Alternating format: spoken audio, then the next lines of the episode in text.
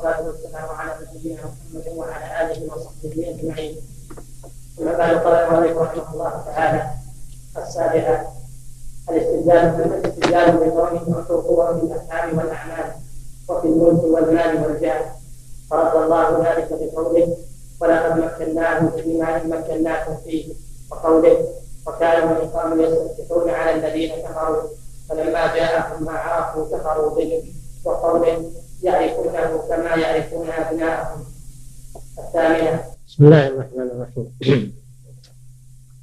الحمد لله والصلاة والسلام على رسول الله وعلى آله وصحبه. قال الشيخ رحمه الله السابعة يعني من مسائل الجاهلية. أنهم يستدلون بأقوام لهم علوم ولهم عقول دون أن ينظروا إلى أعمالهم. فالعبرة ليست بمجرد العلم أو مجرد العقل وإن كانت هذه أمور مهمة لكن ينظر إلى العمل ينظر إلى العمل. فإن كان هناك علم وعمل فهذا هو القدوة. أما إن كان هناك علم بلا عمل فهذا ليس قدوة. كذلك إذا كان هناك عمل واجتهاد بدون علم فهذا أيضا ليس قدوة. فلا بد من مجموع الأمرين. ثم أيضا من من مسائلهم أنهم يقتدون بأهل القوة. أهل القوة والأموال والثروة. ويظنون أن هذا يدل أنهم على حق وأن الله إنما أعطاهم ذلك لأنهم على حق. دون أن ينظروا إلى أعمالهم. إذا فالعبرة ليست بالقوة بدون نظر إلى العمل وليست بالعلم بدون نظر إلى العمل وليست بالعمل بدون نظر إلى إلى العلم. قال الله سبحانه وتعالى في قوم عاد الله جل وعلا أعطاهم قوة فاقوا بها على عالم زمانه. قوة في أبدانهم وقوة في أموالهم. فإن قوم عاد أعطاهم الله بسطة في أجسامهم كما قال تعالى على لسان هود عليه السلام لما ذكرهم وقال وزادكم اذكروا إذ جعلكم خلفاء من بعد قوم نوح وزادكم في الخلق بسطة أعطاهم الله قوة في أجسامهم. فاذكروا آلاء الله لعلكم تفلحون.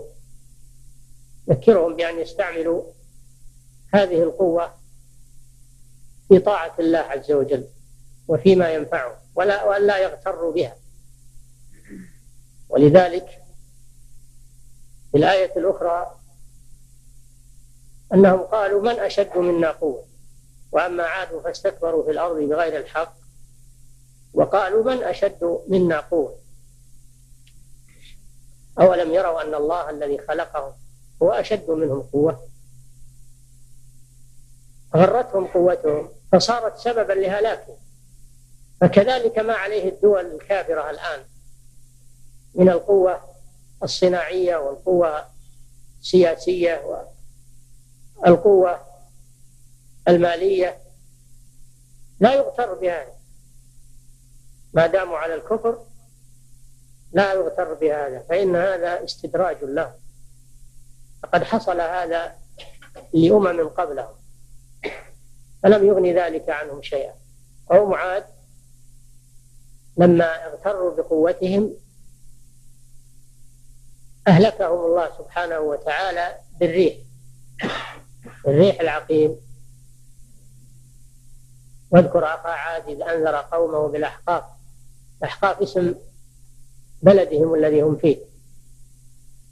يقال إنهم في جنوب شرق الجزيرة. من ما يلي حضرموت والربع الخالي.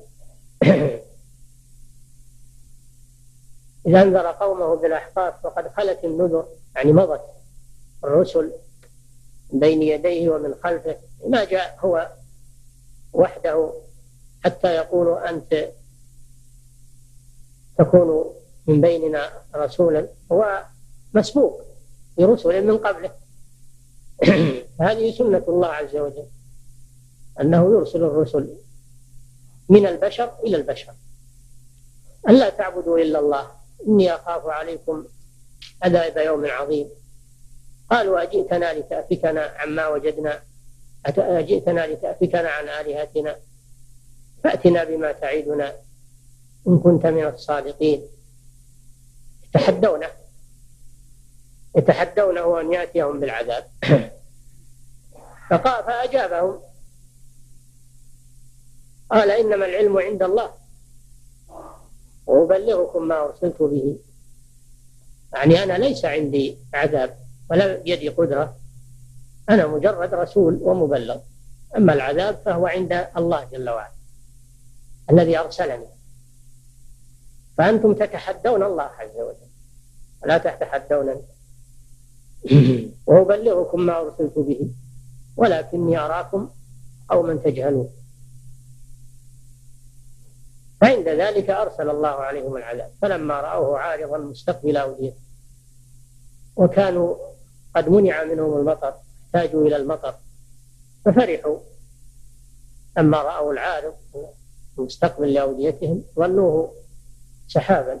قالوا هذا عارض ممطرنا. يعني لا يزالون في غيهم لا يخافون من العذاب ما توقعون هذا عذاب. وهذا من شدة غرورهم وغفلتهم. ما توقعوا أن هذا عذاب. بل هو ما استعجلتم به. أنتم تقولون ائتنا بما تعدنا. وتتحدون نبيكم إن كنت من الصادقين. هذا ما استعجلتم ريح فيها عذاب أليم. حتى ما أرسل عليهم جنود أو ملائكة أقوى منهم. أرسل عليهم ريح ريح الريح الرقيقة التي كانت في العادة مصدر حياة صارت مصدر عذاب. ريح فيها عذاب أليم. تدمر كل شيء بأمر ربه كل شيء يعني أمرت بتدميره. ليست كل شيء على عمومها وإنما تدمر كل شيء يعني أمرت بتدميره. فأصبحوا لا يرى إلا مساكنهم نزعتهم الريح إلى الجو ثم نكستهم على رؤوسهم فصاروا كأعجاز نخل منقع. كأعجاز نخل خاوية هذا يدل على طول أجسام. حين شبههم الله بالنخل وقوتها. فأصبحوا لا يرى إلا مساكنهم أما هم فإنهم هلكوا عن آخرين. ما نفعتهم قوتهم. ولا غرورهم. كذلك نجزي القوم المجرمين. قال الله تعالى لكفار قريش الذين كذبوا رسوله محمدا صلى الله عليه وسلم كما كذب قوم عاد نبيهم هودا عليه السلام. ولقد مكناهم يعني أعطيناهم قوة مكناهم. تمكين يعني أن الله أعطاهم قوة مكنتهم من الأرض فيما ما موصولة أي في الذي. إن هذه نافية. إن مكناكم يعني ما مكناكم فيه. مكناهم في شيء لم نمكنكم فيه. أنتم أضعف منهم. فكيف تتحدون نبيكم محمدا صلى الله عليه وسلم؟ فيما إن مكناكم فيه أي في الذي ما مكناكم فيه. فأنتم أضعف منهم.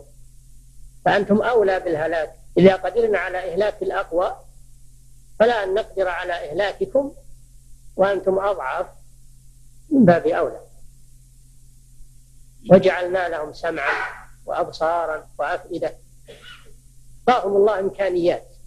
يعرفون بها الحق لو أرادوا. سمع يسمعون وأبصارا يبصرون بها. آيات الله عز وجل. وأفئدة. قلوب يفقهون بها لو أرادوا لكنهم لم يريدوا أن يستعملوا هذه الحواس فيما ينفعهم. فما أغنى عنهم سمعهم ولا أبصارهم ولا أفئدتهم من شيء. إن كانوا يجحدون بآيات الله وحاق بهم ما كانوا به يستهزئون. فهذا تحذير لمن جاء بعدهم خصوصا كفار قريش والعرب الذين بعث إليهم محمد صلى الله عليه وسلم وهو تحذير مستمر إلى أن تقوم الساعة. كل من خالف هذا الرسول صلى الله عليه وسلم. من اليهود والنصارى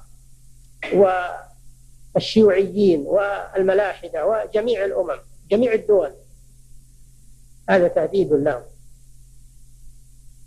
لأن الله قادر على أن يهلكهم كما أهلك قوم عاد. هذا معنى قوله تعالى ولقد مكناهم في ماء مكناكم وقال في اليهود وكانوا من قبل يستفتحون على الذين كفروا اليهود الذين كانوا في المدينة قبل بعثة النبي صلى الله عليه وسلم كان بينهم وبين العرب قتال.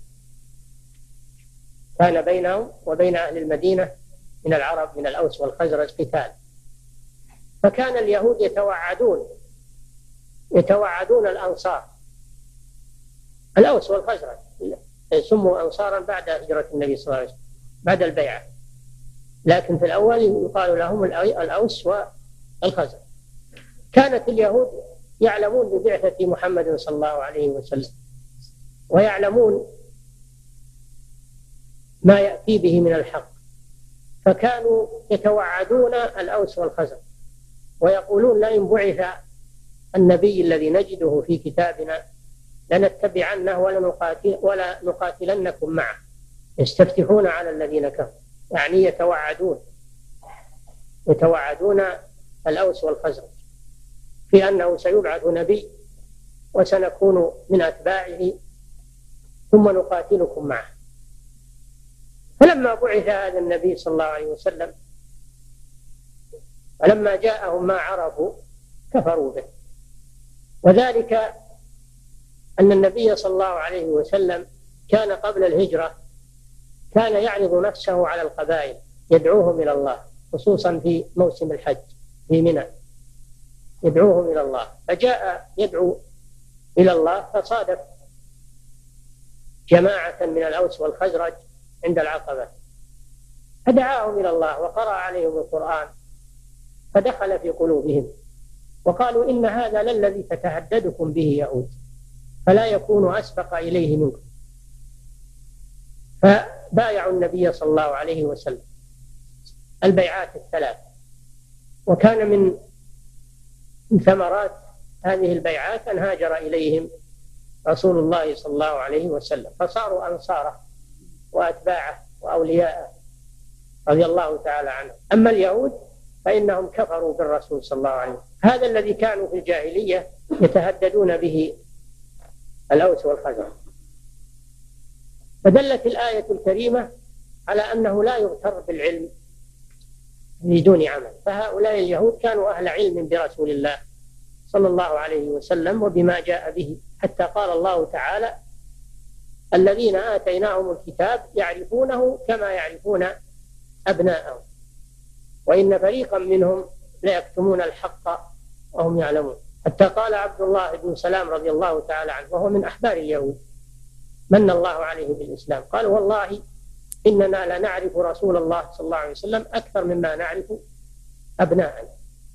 لأن أبناءنا نعتمد على خبر أمهاتهم أنهم منا. ولكن هذا الرسول نعتمد فيه على الوحي المنزل من الله سبحانه وتعالى أنه رسول الله. فنحن نعرف رسالته وأنها صدق أكثر مما نعرف أبناءنا. وهنا يقول جل وعلا فلما جاءهم ما عرفوا. الذي عرفوا من شأن هذا الرسول وبعثته لما تحقق هذا كفروا به مع أنهم كانوا معترفين به في الأول. ويتوعدون به الأنصار. فدل على أن مجرد العلم لا يكفي ولا يحتج بالعالم الذي لا يعمل بعلم. لا يحتج بالعالم الذي لا يعمل بعلم. فهؤلاء اليهود كانوا علماء خصوصا ببعثة النبي صلى الله عليه وسلم ولكنهم خالفوا وكفروا عن علم وعن عناد وحسد. إذا لا يغتر بالعلم الذي ليس معه عمل بل قد يكون العلم وبالا على صاحبه إذا لم يكن معه عمل صالح ومعه اتباع واقتداء.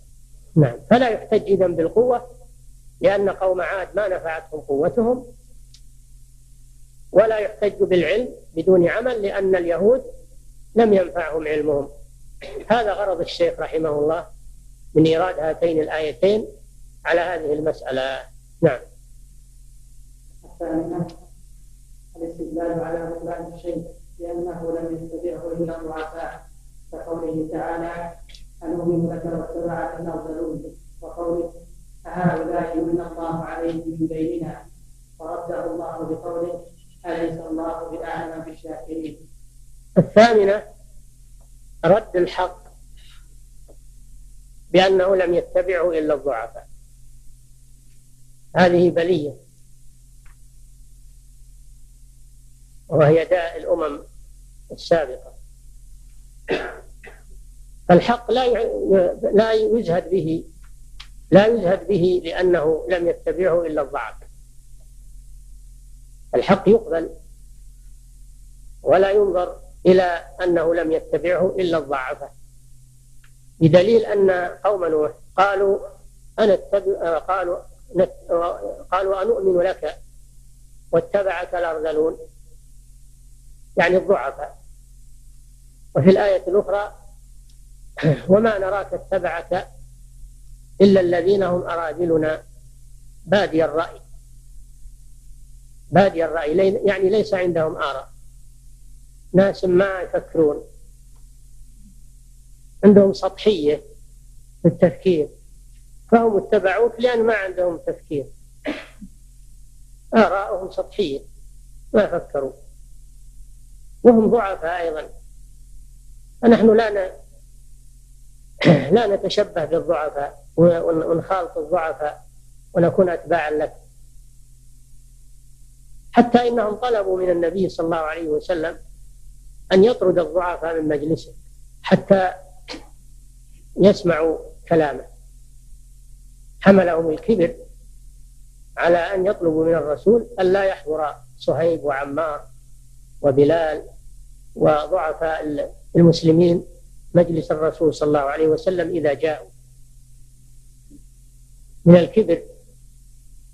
النبي صلى الله عليه وسلم أراد أن يتألفهم حرصا على هدايتهم فأراد أن أو فكر أن يمنع الضعفاء وقت مجيء هؤلاء وأن يخلوا المجلس لهم.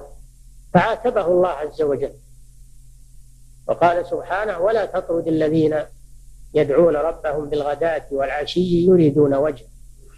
ما عليك من حسابهم من شيء وما من حسابك عليهم من شيء فتطردهم فتكون من الظالمين. وكذلك فتنا بعضهم ببعض يعني اختبرنا بعضهم ببعض جعلنا هذا غنيا وهذا فقيرا من باب الابتلاء والامتحان. كما قال تعالى في الآية الأخرى وجعلنا بعضكم لبعض فتنة يعني اختبار. أتصبرون؟ الله يبتلي العباد بعضهم ببعض. ليقولوا أهؤلاء من الله عليهم من بيننا؟ يستبعدون أن هؤلاء يهديهم الله ويمن عليهم من بين الناس لأنهم ضعفاء وفقراء. لماذا يخصهم الله بالهداية والمنة؟ هذا دليل على أن, أن, أن أنهم ليسوا صادقين في إيمانهم بزعم هؤلاء. هؤلاء من الله عليهم من بيننا؟ قال الله تعالى أوليس الله بأعلم بالشاكرين؟ الله جل وعلا أعلم بالذي يقبل الحق من الذي لا يقبله ويعلم الشاكر من الكافر فهو يضع الأمور في مواضعها. فحرم هؤلاء من الهداية لأنهم لا يشكرون الله عز وجل وأعطاها لهؤلاء ومن بها عليهم لأنهم يشكرون الله جل وعلا فهو أعلم سبحانه وتعالى. وهذا من حكمته والحكمة وضع الشيء في موضعه. فهو جل وعلا لا يضع الهداية إلا في من يستحقها ولا يضع الضلال إلا في من يستحقه عقوبة له. فليس النظر إلى حالة الشخص غنيا كان أو فقيرا وإنما النظر إلى قبوله للحق أو عدم قبوله للحق. الذي يقبل الحق هذا لا يضره إذا كان فقيرا والذي يرد الحق هذا لا ينفعه. إن كان قويا وغنيا وشريفا لا ينفعه ذلك. هذا قاله قوم نوح لنوح أنؤمن لك واتبعك الأرذلون ما نراك اتبعك إلا الذين هم أراذلنا بادي الرأي وما نرى لكم علينا من فضل بل نظنكم كاذبين. وقال نوح عليه السلام وما أنا بطارد الذين آمنوا إنهم ملاقوا ربهم. ولكني أراكم قوما تجهلون. ويا قوم من ينصرني من الله إن طردتم أفلا تذكرون؟ هذا جواب نوح عليه الصلاة والسلام. فهذه من سنة الجاهلية. أن أن الحق أن هذا من سنة الجاهلية أنهم يردون الحق بسبب أن أتباعه من الفقراء دون نظر إلى الحق نفسه. دون نظر إلى الحق نفسه. فالحق لا يعرف بالرجال وإنما يعرف الرجال بالحق. الله ذكر عن قوم نوح ما صدر منهم في حق أتباع نوح وذكر عن محمد صلى الله عليه وسلم ذكر عن آه، أمة عن عن كفار قريش وأهل الجاهلية ما صدر منهم في حق أتباع الرسول صلى الله عليه وسلم. ولهذا لما كتب النبي صلى الله عليه وسلم إلى الملوك يدعوهم إلى الله ملوك الأرض كتب إليهم يدعوهم إلى الله وأن يتبعوه لأنه رسول الله إليهم جميعا. أما كسرى فإنه مزق الكتاب وتهدد الرسول صلى الله عليه وسلم فمزق الله ملكه. وأما هرقل ملك الروم فكان رجلا عاقلا. فلما جاءه الكتاب وقرأه سأل هل في الشام هل في الشام أحد من قوم هذا الرجل؟ قالوا نعم لأن أهل مكة كانوا يذهبون إلى الشام للتجارة. فكان فكان تجار قريش في في الشام بزعامة أبي سفيان بن الحارث. فدعاهم هرقل وأدخلهم في مجلسه بحضرة علماء النصارى وطارقتهم وأكابرهم. فأجلسهم بين يديه ثم أمر بالكتاب فقرئ.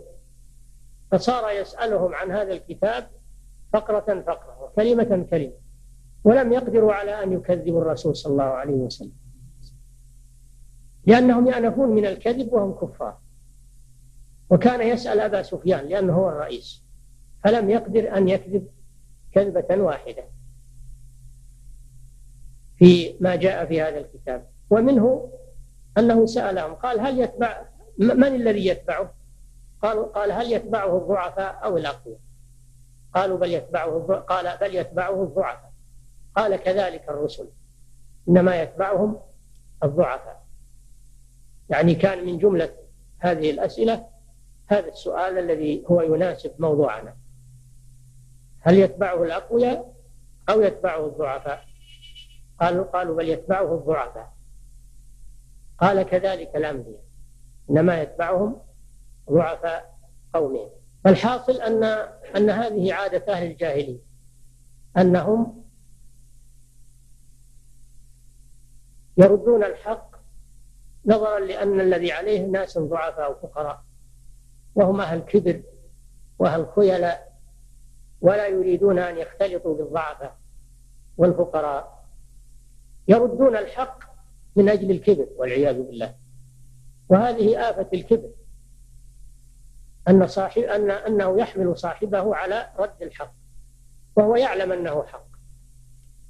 لكن يتركه أنفة وكبرا وتعاظما في نفسه فهذا من عادات الجاهلية نعم.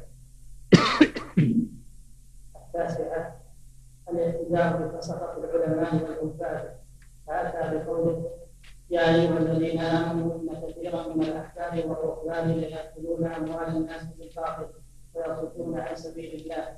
وبقوله لا تغلوا في دينكم غير الحق ولا تتبعوا أهواء قوم قد ضلوا وأضلوا كثيرا. التاسعة من مسائل الجاهلية الاقتداء بفسقة العلماء بفسقة العلماء وبضلال العباد. كما قال الله سبحانه وتعالى يا أيها الذين آمنوا إن كثيرا من الأحبار والرهبان لا يأكلون أموال الناس بالباطل ويصدون عن سبيل الله. الأحبار هم العلماء والرهبان هم العباد. فكانت اليهود والنصارى اتخذوا أحبارهم ورهبانهم أربابا من دون الله والمسيح ابن مريم. اتخذوا أحبارهم يعني علماءهم الذين لا يعملون بعلمهم يصدون عن سبيل الله يأكلون أموال الناس بالباطل ويصدون عن سبيل الله. هذا يتنافى مع العلم يتنافى مع وظيفة الأحبار. الأحبار وظيفتهم اتباع ما ما علموا من الحق والدعوة إليه والعمل به واحترام أموال أموال الناس والترفع عنها إلا بحق.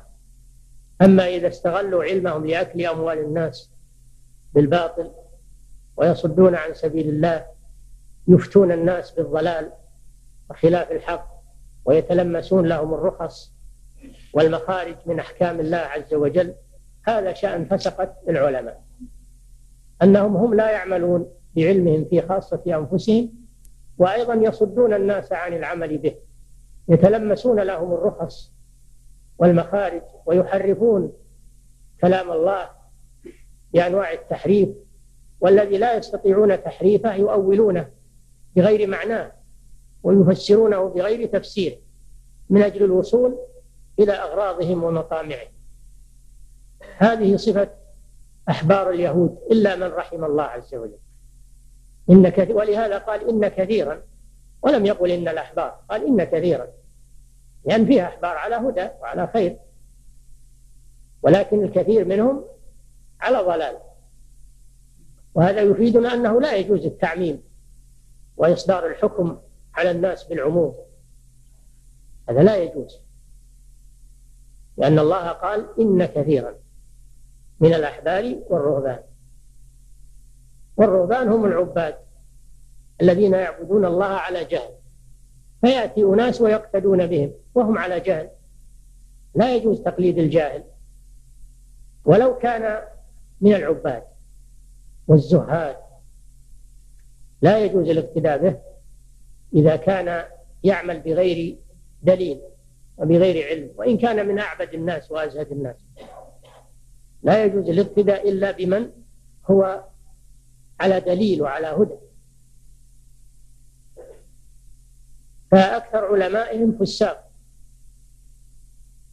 وأكثر عبادهم جهال. وكلا الطائفتين لا يجوز الاقتداء بهم لا لا بفساق العلماء ولا بضلال العباد وإنما يقتدى بمن كان على الحق. الذي يعمل بعلمه والذي يعمل على هدى من الله سبحانه وتعالى هذا هو القدوة. فهذا من عادات أهل الجاهلية. الاقتداء بالعلماء الفساق والعباد الجهال. فيجب الحذر من هاتين الخصلتين. وقال تعالى يا أهل الكتاب لا تغلوا في دينكم غير الحق ولا تتبعوا أهواء قوم قد ضلوا من قبل وأضلوا كثيرا وضلوا عن سواء السبيل. نهى الله سبحانه وتعالى أهل الكتاب عن الغلو والغلو هو الزيادة. تجاوز الحد. سواء كان غلوا في الأشخاص حتى يرفعوا فوق منزلتهم فلا يجوز الغلو في الأشخاص لا الأنبياء ولا من دونهم. فلينزل كل منزلة. فالنبي ينزل منزلة الأنبياء. والعلماء ينزلون منزلة العلماء والأتباع. وكلهم عبيد لله سبحانه وتعالى. ليس لهم حق في الربوبية. اليهود والنصارى غلوا في أحبارهم ورهبانهم. اتخذوا أحبارهم ورهبانهم أربابا من دون الله والمسيح ابن مريم. وما أمروا إلا ليعبدوا إلها واحدا. فالغلو من سمة أهل الكتاب. الغلو في الأشخاص من سمة أهل الكتاب حتى رفعوا المخلوقين إلى مرتبة الخالق. وقالت اليهود عزير ابن الله وقالت النصارى المسيح ابن الله. هذا هو الغلو والعياذ بالله. رفع الإنسان من البشر إلى مرتبة الربوبية والألوهية. هذا هو أقبح الغلو. وما وقع عباد القبور اليوم في الشرك وعبادة الأموات إلا بسبب الغلو في الصالحين. وما ضل وهلك وكفر قوم نوح إلا بسبب الغلو في الصالحين. فالغلو آفة خطيرة فيجب الحذر من الغلو. كما أنه يجب الحذر من التساهل بأمر الله سبحانه وتعالى. الواجب الاعتدال الاعتدال في كل شيء. بين طرفي الإفراط والتفريط والغلو والتساهل. فدين الله جل وعلا بين الغالي والجاهل. دين وسط. فهذا من من مسائل الجاهلية الغلو في الأشخاص والاقتداء بفساق العلماء والاقتداء بضلال العباد. كل هذا من مسائل الجاهلية. الواجب على المسلمين الاعتدال في هذا الأمر. وألا يتخذوا العلماء اربابا من دون الله يحللون ويحرمون من عند أنفسهم وحسب رغبات الناس وأهواء الناس. اليوم فيه أناس ينتسبون إلى العلم واباحوا السفور والاختلاط بين الرجال والنساء واباحوا امورا كثيرة يريدون أن يسايروا بزعمهم العصر وأن يكونوا مرنين وأن لا يكونوا معقدين كما يقولون. يسمون هذا تعقيد. فهذا هو من فعل الجاهلين الذي يقتدي بهم ويأخذ بفتاواهم وبأقوالهم. هذا مثل أهل الجاهلية الذين يقتدون بفساق العلماء. أو أنهم عباد جهال يحللون ويحرمون بجهل. قد يكون هؤلاء الكتاب أو كثير منهم ليس عندهم علم وإنما يجتهدون بعقولهم وأفكارهم ويحللون ويحرمون من عند أنفسهم. فهؤلاء من ضلال العباد فهم لا يخرجون عن أحد الصنفين إما من فساق العلماء إن كان عندهم علم وإما من فس وإما من جهال العباد إن كان عندهم شيء من العبادة والورع فلا يغتر بهم أبدا. نعم.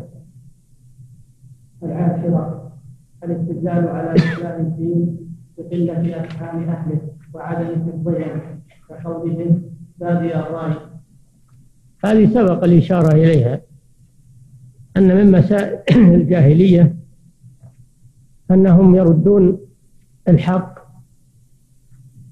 بسبب أن الذين أنهم يرون بسبب أنهم يرون أن الذين هم عليه ليس عندهم رأي وأنهم مغفلون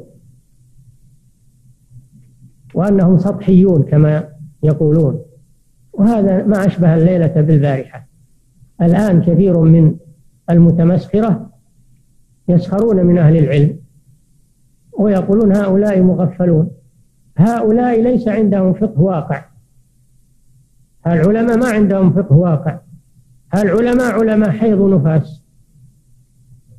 العلماء هؤلاء حمير السلاطين أو بغال السلاطين أو ما أشبه ذلك من المقالات الشنيعة التي يصفون بها العلماء. لا لشيء إلا لأنهم لا يوافقونهم على مناهجهم و ولا يوافقونهم على أفكارهم. فهم يصفونهم بالسطحية يصفونهم بالجهل يصفونهم بقلة الرأي يصفونهم بالجمود يصفونهم بالتحجر يصفونهم بعدم الفقه إلى آخر ما يقولون. فهذه سنة الجاهلية والعياذ بالله. كما قال قوم نوح وما نراك اتبعك إلا الذين هم أراذلنا بادي الرأي. يعني ناس ما عندهم رأي ولا أفكار إنما هم اتبعوك على غير قوية وعلى غير تفكير. هذه يقولها الآن ويرددها أصحاب المناهج المنحرفة. الذين الذين يريدون من العلماء أن يسيروا في ركابهم وإلا فإنهم سيصفونهم بهذه الأوصاف القبيحة. نسأل الله العافية. نعم. الحادية عشر الاستدلال بالقياس الفاسد كقولهم إن أنتم إلا بشر مثلنا. الاستدلال الحادية عشر من مسائل الجاهلية الاستدلال بالقياس الفاسد. القياس معناه إلحاق النظير بنظيره. القياس هو إلحاق النظير بنظيره. إلحاقه به في الحكم. وهو على نوعين. قياس فاسد إذا كان مبنيا على غير أساس على غير أساس صحيح فهو قياس فاسد. وقياس صحيح وهو المبني على أساس صحيح. وهو على قسمين القياس الصحيح على قسمين. قياس جلي وقياس علة. قياس جلي وقياس علة. القياس الجلي هو إلحاق الشيء الذي هو أولى بنظيره. ومثلوا له بمثل فلا تقل لهما أف هذا نهي عن التأفف في حق الوالدين. قالوا يقاس عليه من باب أولى الضرب. ضرب الوالد هذا حرام. وما في الآية لا تضربهم. ما فيها لا تضربهم. لكن فيها لا تقل لهما أف. فإذا كان فإذا كان منهيا عن قول أف فلا أن ينهى عن الضرب من باب أولى هذا قياس جلي. هذا يسمونه القياس الجلي وهو قياس الأولى. الحاق الأولى بما هو دونه. والنوع الثاني قياس علة. قياس علة وهو إلحاق فرع بأصل في الحكم لعلة تجمع بينهما. وهذا هو القياس الفقهي الذي عليه الأصوليون. إلحاق فرع بأصل في الحكم لعلة تجمع بينهما. هذا يسمونه قياس قياس العلة. مثل ما قالوا في الربا. النبي صلى الله عليه وسلم حرم الربا في ستة أشياء الذهب والفضة والتمر والبر والشعير والملح. هذه كم؟ ستة أشياء. نص عليها الرسول صلى الله عليه وسلم. فهل لا يدخل الربا إلا في هذه الستة؟ أو يقاس عليها كل ما شابهها في العلة. الظاهرية يقولون لا يقتصر على هذه الأشياء. الستة لأنهم لا يقولون بالقياس. الجمهور من أهل العلم يقولون لا يقاس عليها كل ما شابهها في العلة التي من أجلها حرم الربا. فيقاس عليها كل ما شابهها في العلة التي من أجلها حرم الربا. هذا هو القياس في الفقه وهو قياس العلة والشبه. أما قياس الأولى فهذا يسمى قياس جلي. ومنه عند الأصوليين قياس الشمول. قياس الشمول وهو دخول الأفراد تحت أصل يجمعها. قياس الأفراد تحت أصل يجمعها. هذا يسمونه قياس الشمول. فالحاصل أن القياس الفاسد هو القياس المبني على غير أساس صحيح. إذا لم يكن هناك معنى يجمع بين الفرع والأصل فإن القياس يكون قياسا باطلا. يسمونه القياس الفاسد. ويسمونه القياس مع الفارق. إذا كان هناك فارق بين الأصل والفرع فإن القياس لا يكون صحيحا هذا هو الذي عليه أهل الجاهلية أنهم يقيسون قياسا فاسدا. وذلك أنهم لما جاءتهم الرسل يدعونهم إلى الله كذبوهم بسبب أنهم بشر. إن أنتم إلا بشر مثلنا. والبشر لا يكون رسولا. هذا بزعمهم أنتم بشر والبشر لا يكون رسولا من عند الله عز وجل. وهذه قاعدة عند أهل الجاهلية مضطردة عند الأمم. يكذبون الرسل لأنهم بشر. وهذا قياس فاسد وقياس باطل. فالبشرية لا تمنع كونهم بشر لا يمنع أن الله يرسلهم لأن الله يرسل إلى كل قوم من جنسهم لأجل الهداية لأجل هدايتهم لأنهم لو جاءهم رسول من غير جنسهم لم يقبلوا منه. لو أرسل الله إلى البشر ملائكة يدعونهم إلى الله ما تلاءم البشر مع الملائكة لأنهم من غير جنسهم إلا لو كان الذين في الأرض ملائكة. قل لو كان في الأرض ملائكة يمشون مطمئنين لبعث الله إليهم ملكا رسولا. أما البشر فالله يرسل إليهم البشر. وذلك لأجل أن يستجيبوا لهم وأن يأخذوا عنهم ما أرسلنا من رسول إلا بلسان قومه ليبين لهم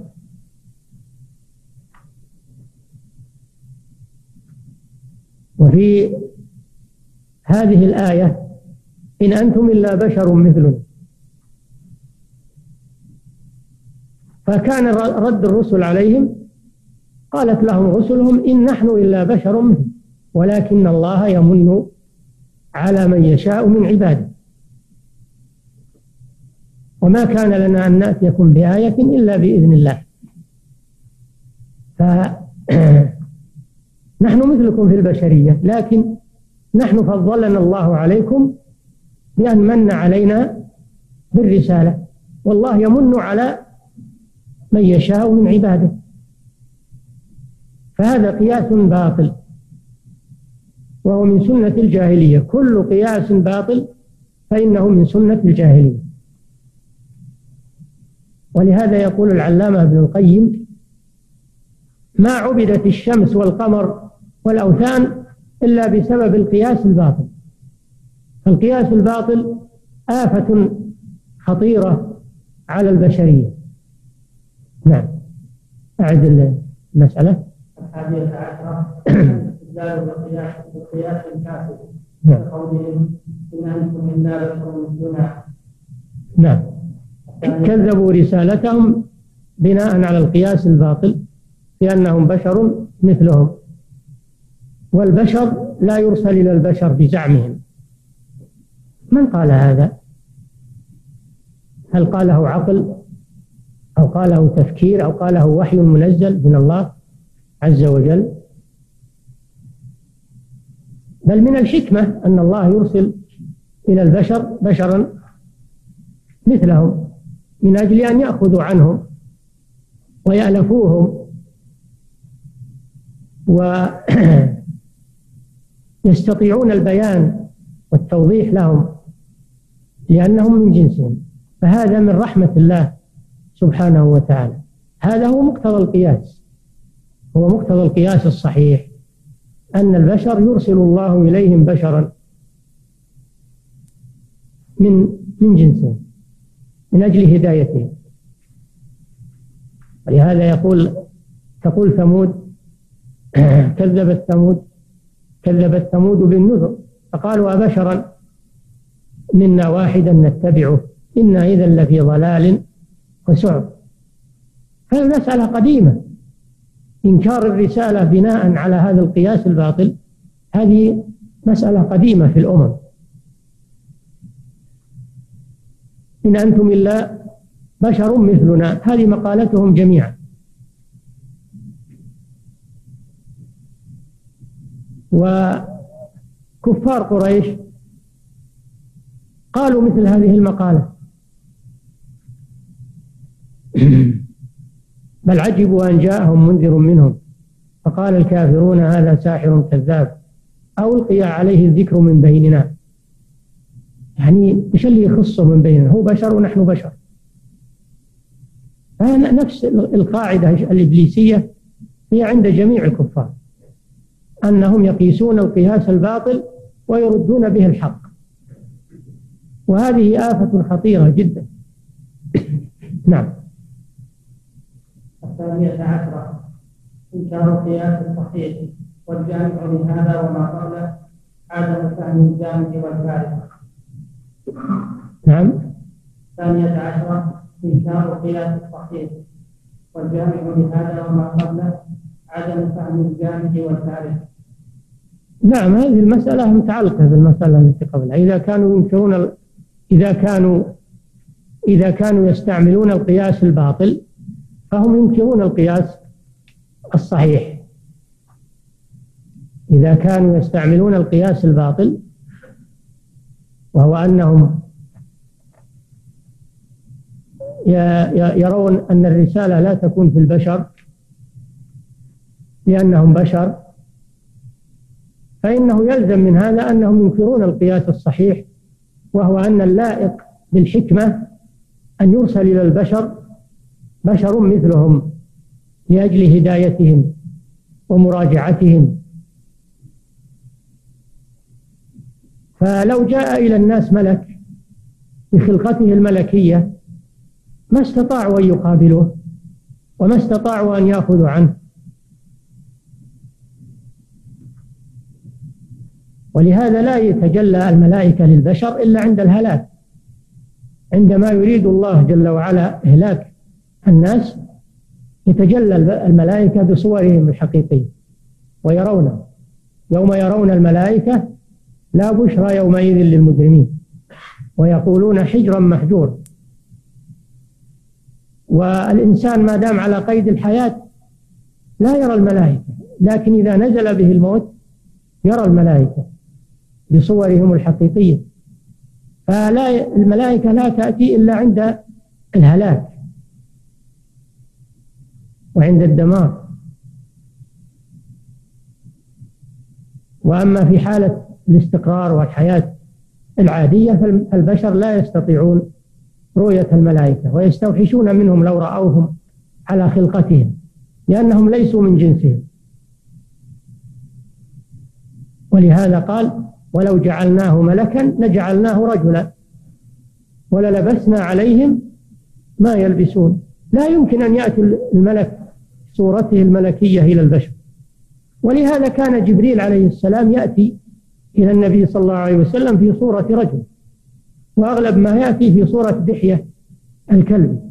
ولم يره النبي صلى الله عليه وسلم على صورته الملكية إلا مرتين. ما رآه إلا مرتين. مرة وهو في بطحاء مكة رآه بين السماء والأرض له ستمائة جناح. ومرة رآه في الأفق الأعلى ليلة المعراج. عند سدرة المنتهى. رأى جبريل, جبريل عليه السلام على صورته الملكية. ولقد رآه نزلة أخرى عند سدرة المنتهى.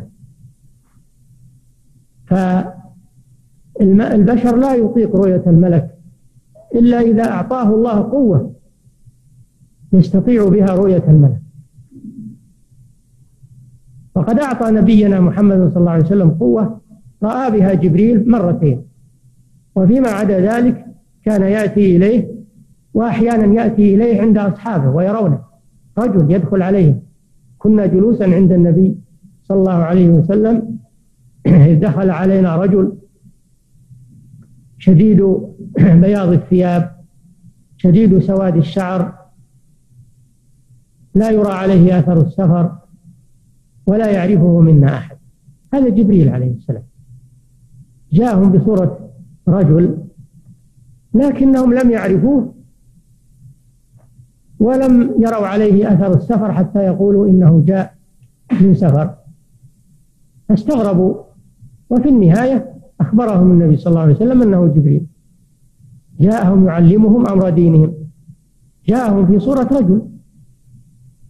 هذه حكمة الله سبحانه وتعالى. نعم.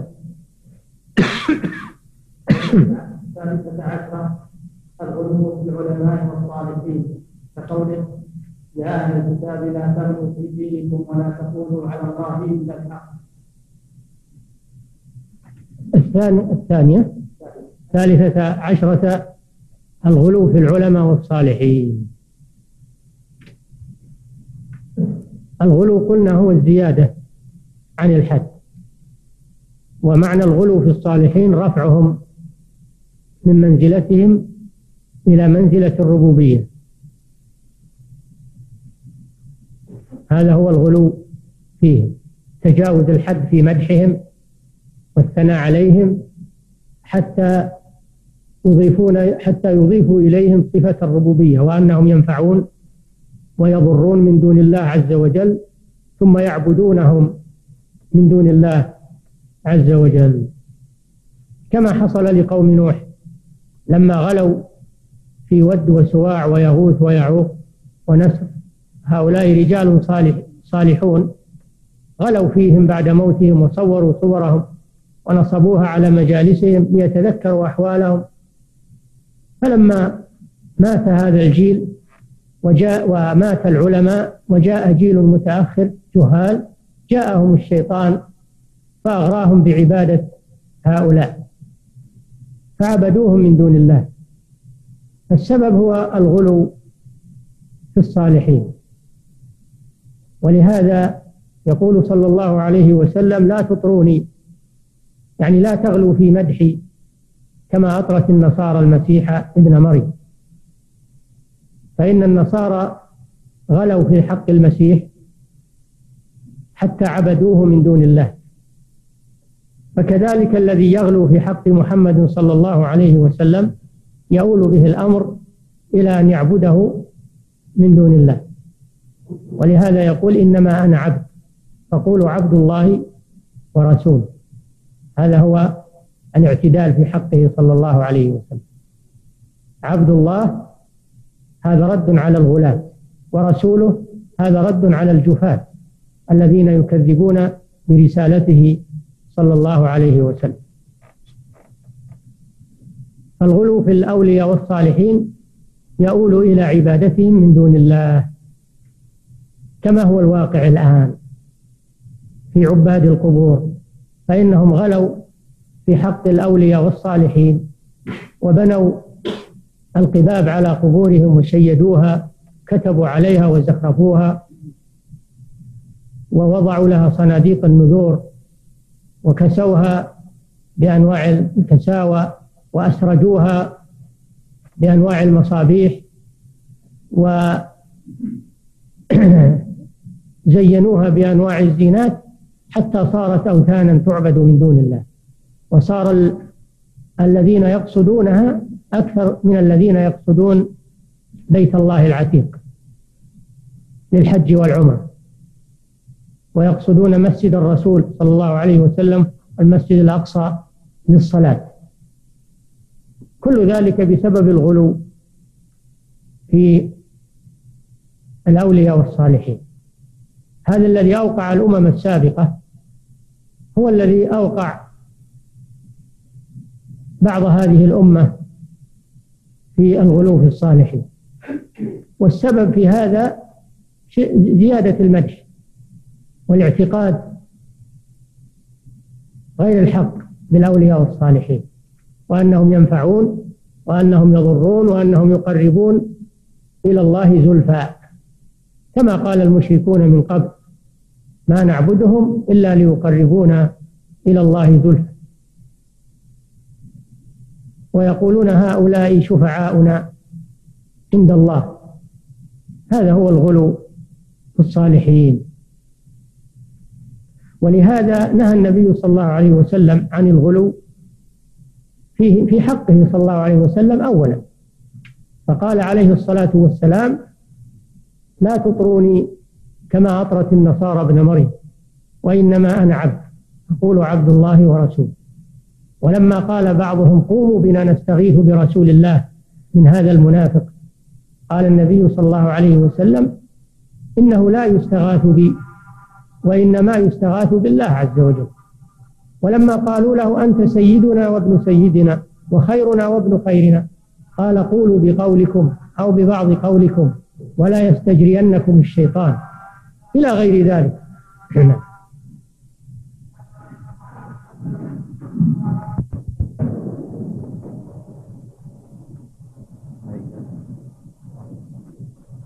نعم. قياس الشمول وذلك في العقيدة مع بهذين النوعين. قياس الشمول قياس التمثيل هذا تجدونه في كلام شيخ الإسلام ابن تيمية رحمه الله خصوصا في تدمرية وفي مختلف كلامه ورده على الرازي في تأسيس التقديس. هذه مسائل من مسائل علم الكلام علم المنطق التي يستعملها المنطقيون. الشيخ شاق الشيخ ساقها لبيان أن الله جل وعلا لا يقاس بغيره قياس الشمول تستوي أفراده وإنما يقاس بغيره قياس أولى. يستعمل في حق الله قياس الأولى لأن يقال كل كمال ثبت للمخلوق لا يستلزم نقصا فالله جل وعلا أولى به. هذا هو الذي يليق بحق الله. تجدون هذا عند كلام الشيخ عند هذه المسألة. راجعوا فهرس الفهرس العام للفتاوى الكبرى. تجدون قياس الشمول وقياس الشبه راجعون إن شاء الله. وأما قياس العلة هذا في كتب الأصول. عند علماء أصول الفقه وهو الدليل الدليل الرابع من الأدلة كتاب السنة الإجماع القياس. هذا الدليل الرابع. نعم. فضيلة الشيخ وفقكم الله. بعض العلماء يقولون ان اتخاذ القبور على المساجد قضية غير الصلاة في هذه المساجد. فهم يسلمون بأن القضية الأولى مسلم بتحريمها. أما الصلاة في هذه المساجد فتجوز.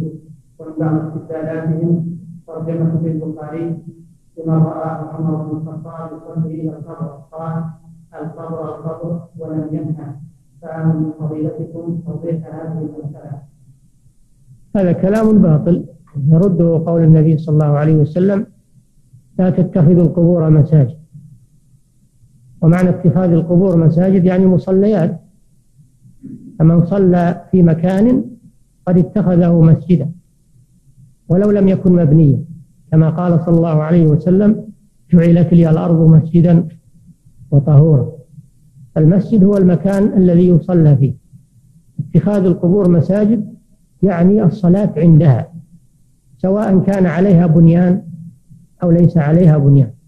فمن صلى عند قبر فقد اتخذه مسجدا وخالف قول الرسول صلى الله عليه وسلم لا تتخذوا القبور مساجد.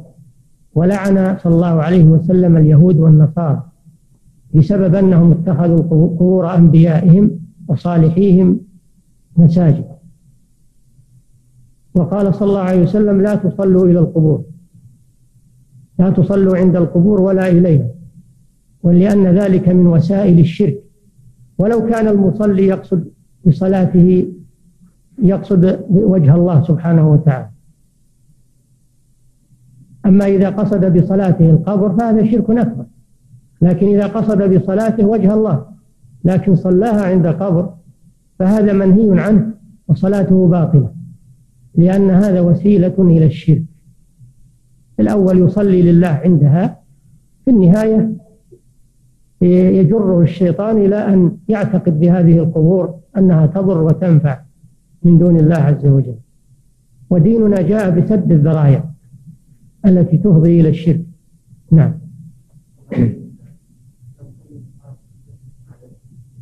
صلاته غير صحيحة لأنها صلاة منهي عنها صلاة المنهي عنها غير صحيحة.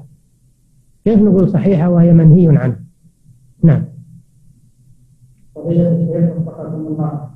بعض الناس يقول إننا في عالم التقدم والحضارة. فلا بد أن تتعلم المرأة الطب والتمريض كما هو واضح اليوم. بحجه اننا في حاجة ماسة لهذا حيث يقوم بعلاج النساء الرجال ويقومون بتوليدهن. ويحتجون بذلك أن الصحابيات شاركن في علاج الجرحى. نحن ما قلنا إنه يحرم على المرأة تعلم الطب والتمريض لكن نقول يحرم على المرأة مخالطة الرجال وسفورها عند الرجال وأن تعالج الرجال لما في ذلك من الفتن. أما أنها تتعلم الطب والتمريض على أيدي نساء طبيبات معلمات من النساء هذا لا حرج فيه. وأنها تعالج النساء أو تعالج الرجال عند الضرورة إذا لم يوجد غيرها مع التحفظ والتستر فهذا لا بأس به. إنما نحن ننكر مخالطتها للرجال وسفورها وسفرها مع الرجال وخلوتها مع الرجال هذا الذي يحرم عليه.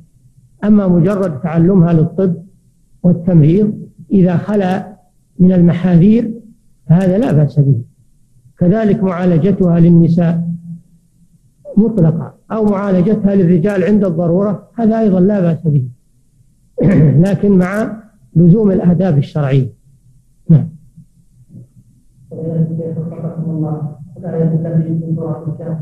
قال الذين غلبوا على أمرهم لنتخذن عليهم مسجدا. هل هم المسلمون أم الكفار؟ وما تعليقكم الآية الآية تدل على تحريم البناء على القبور. وساقها الشيخ في كتاب التوحيد في باب إنكار البناء على القبور. لأن الله قال قال الذين غلبوا على أمره. يعني يعني تغلبوا بالسلطان السلطة لأنهم أصحاب السلطة. فدل على أنهم ما بنوا عليها بعلم شرعي وإنما بنوا عليها بالغلبة والتسلط. لأن لأن البناء على القبور من وسائل الشرك. وسائل الشرك لا يمكن أن تأتي ملة أو أو دين سماوي بإباحة وسائل الشرك أبدا. البناء على القبور من وسائل الشرك.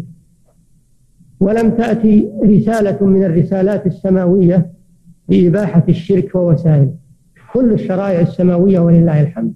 متفقة على منع الشرك ووسائله ومنه البناء على القبور. والله إنما ذكر أنهم غلبوا على أمرهم يعني بنوا بالقوة السلطانية لا بالقوة الشرعية. نعم. يستدل بعض العلمانيين على جواز عدم تطبيق الشريعة بفعل عمر رضي الله عنه عام الرمادة حيث إنه لم لم لم لم يقطع يد احد من السالكين على رغم ثبوت سلطه عليه قائلين ان الشريعه المرنه يؤخذ بها عند الحاجة اليها ويغير فيها ولي الامر أو يعدل عنها أو يعدل عنها ما دام يرى المصلحه في ذلك فارجو فارجو الرد على ذلك. هل عمر رضي الله عنه عطل الشريعة كلها في عام الرماده؟ أو أنه درأ الحد عن هؤلاء بسبب المجاعة والضرورة. درأ الحد فقط بسبب وهو المجاعة والضرورة. والمضطر له أن يأخذ من مال غيره عند الضرورة ويأكل ولو لم يأذن صاحب المال. هذه ضرورة. قال الله سبحانه وتعالى وقد فصل لكم ما حرم عليكم إلا ما اضطررتم إليه. وقال تعالى فمن اضطر غير باغ ولا عاد. المضطر يأكل من الميتة يأكل من الجيفة. أحل الله له ذلك حتى لا يموت. في عام الرمادة لو لم يأخذوا ويأكلوا لهلكوا. فعمر رضي الله عنه درى عنهم الحد من أجل الضرورة. وليس ذلك هذا إعمال للشريعة وليس تعطيلا للشريعة. نعم. فضيلة الشيخ وفقكم الله. ذكر فضيلتكم أن كل قوم يغفر له من جنسهم. فهل أرسل للجن من جنسهم؟ الجن تبع للإنس. أرسل إلى الإنس والجن تبع للإنس في ذلك. نعم. فضيلة الشيخ وفقكم الله. ما حكم قول القائل الحمد لله المليء بالعظمة والكبرياء حيث أنكر عليه الشمس المقالة في هذه وقال إن المليء لا يكون إلا بعد فراغ فما صحة إن كان قصده الملي من من الملاءة وهي الغنى مثل قوله آه، من أحيل على مليء فليحتل الملي يعني الغني. فإذا كان قصده بقوله الملي يعني الغني الله غني سبحانه وتعالى. أما إن كان قصده بقوله الملي من الملء وهو ملء الشيء بالشيء فهذا لا يجوز. ملء الشيء الفارغ بالشيء مثلا الكوب الفارغ يملأ بالماء. أو الوعاء الفارغ يملأ بالطعام فهذا لا يجوز إطلاقه في حق الله سبحانه وتعالى. فإذا قيل الملي بمعنى الغني فهذا لا بأس به. أما إذا قيل الملي بمعنى الذي ملئ وهو كان فارغا فهذا لا يجوز. وعلى كل حال مسألة الملي هذه ما وردت فيما أعلم في حق الله. إنما وردت في حق المخلوق. فإطلاقها على الله فيه محذور. لكن معناها قد يكون صحيحا. معناها قد يكون صحيحا لكن اللفظ خطأ. نعم.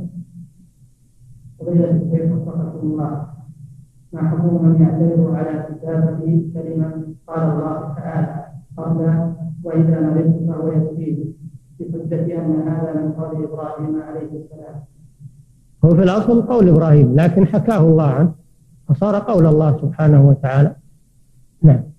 الشيخ وفقكم الله هل صحيح ما قال أحد العلماء المعاصرين أن هاجر المذكور في القرآن ليس هو أبو إبراهيم عليه السلام لأن آباء الأنبياء لا يكونون كفارا ولكن هذا هو عم إبراهيم عليه السلام قوله إن آباء الكفار لا يكونون كفارا هذا غير صحيح. آباء الكفار يكونون كفارا. أبو محمد صلى الله عليه وسلم أفضل الرسل أبوه كافر. وجده كافر وأجداده كفر. وكذلك نوح عليه السلام ابنه كافر. خالفه وأبى أن يركب معه. فما في مانع أنه يكون والد النبي كافر. ولهذا يفسرون قوله تعالى يخرج الحي من الميت ويخرج الميت من الحي. يخرج الحي من الميت أي المؤمن من الكافر. ويخرج الميت من الحي. يخرج الكافر من المؤمن. فلا مانع. أما مسألة اسم والد إبراهيم قيل أنه إن هذا لقب ما هو اسم هذا لقب له وليس اسمه العلم. على كل حال الأمر سهل فيها نعم. فضيلة الشيخ رحمه الله ثبت في الحديث أن الشيطان إذا أتى المؤذن تولى وله فهذا القيام عند الأذان والانصراف يكون تشبها به أو أن الأولى عدم القيام حتى ينتهي المؤذن. الأولى عدم القيام حتى ينتهي المؤذن. أن الإنسان يطمئن ويتابع المؤذن وإذا فرغ يقول لا إله إلا الله وحده لا شريك له له الملك وله الحمد وهو على كل شيء قدير. اللهم رب هذه الدعوة التامة والصلاة القائمة. آت محمدا الوسيلة والفضيلة. عطف اللهم مقاما محمودا. الذي وعدته. الأولى أنه يجلس ويقول هذا بعد أن يتابع المؤذن ويقول هذا الدعاء بعد الفراغ من من الأذان لأن النبي صلى الله عليه وسلم يقول من قال هذا الدعاء حلت له شفاعتي يوم القيامة.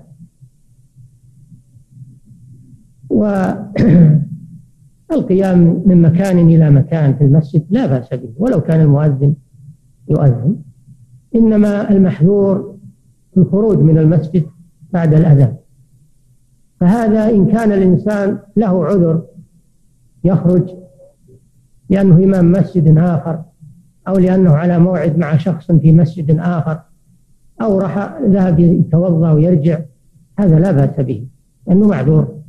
أما إن كان الخروج من غير عذر فهذا مكروه أو محرم. ولهذا لما رأى أبو هريرة رضي الله عنه رجلا خرج بعد الأذان قال أما هذا فقد عصى أبا القاسم صلى الله عليه وسلم. الخروج من غير حاجة لا ينبغي. بل هو إما أن يكون مكروها أو محرم. نعم. ذكر بعض المعاصرين في أحد الاسره بانه توجد الان فرقة من النصارى تسمى الموحدة وأنهم لا تحريف لديهم على قول لو كان هذا صحيحا لوجب عليهم اتباع الرسول محمد صلى الله عليه وسلم. ولا يجوز لهم البقاء على النصراني لأنه بعد بعثة محمد صلى الله عليه وسلم لا يسع أهل الأرض يهودا أو نصارى أو غيرهم إلا اتباعه صلى الله عليه وسلم. فمن بقي على دينه ولم يتبع رسول الله فإنه يكون كافرا يكون كافرا بالله عز وجل. ولا يكون متبعا للنبي الذي يزعم أنه نبي لأن نبوة النبي الذي اتبعه نسخت ببعثة محمد صلى الله عليه وسلم. ولا يجوز البقاء على دين منسوخ. الذي يبقى على الدين المنسوخ لا يكون على دين الله عز وجل. لأنه دين منسوخ منتهي. فواجب على أهل الأرض جميعا. الجن والإنس العرب والعجم اتباع أهل الكتاب وغيرهم اتباع الرسول صلى الله عليه وسلم. ولا يسع أحدا بعد بعثة النبي صلى الله عليه وسلم إلا أن يتبعه. فإن لم يتبعه فهو من أهل النار. قطعا لأنه على غير دين. والأنبياء كانوا يوصون باتباع الرسول صلى الله عليه وسلم إذا بعث وآخرهم عيسى عليه السلام يقول يا بني إسرائيل إني رسول الله إليكم صدقا لما بين يدي من التوراة ومبشرا برسول يأتي من بعد اسمه أحمد. فهو أحال على هذا الرسول صلى الله عليه وسلم وبشر به. الواجب اتباعه. عليه الصلاة والسلام. قل يا أيها الناس إني رسول الله إليكم جميعا الذي له ملك السماوات والأرض. ووصفه الله ووصفه الله جل وعلا بأن بعثته رحمة للعالمين. وقال وما أرسلناك إلا كافة للناس بشيرا ونذيرا. فلا يكون هناك أحد على دين صحيح إلا دين الرسول محمد صلى الله عليه وسلم؟ نعم. الله تعالى أعلم. صلى الله وسلم على نبينا محمد.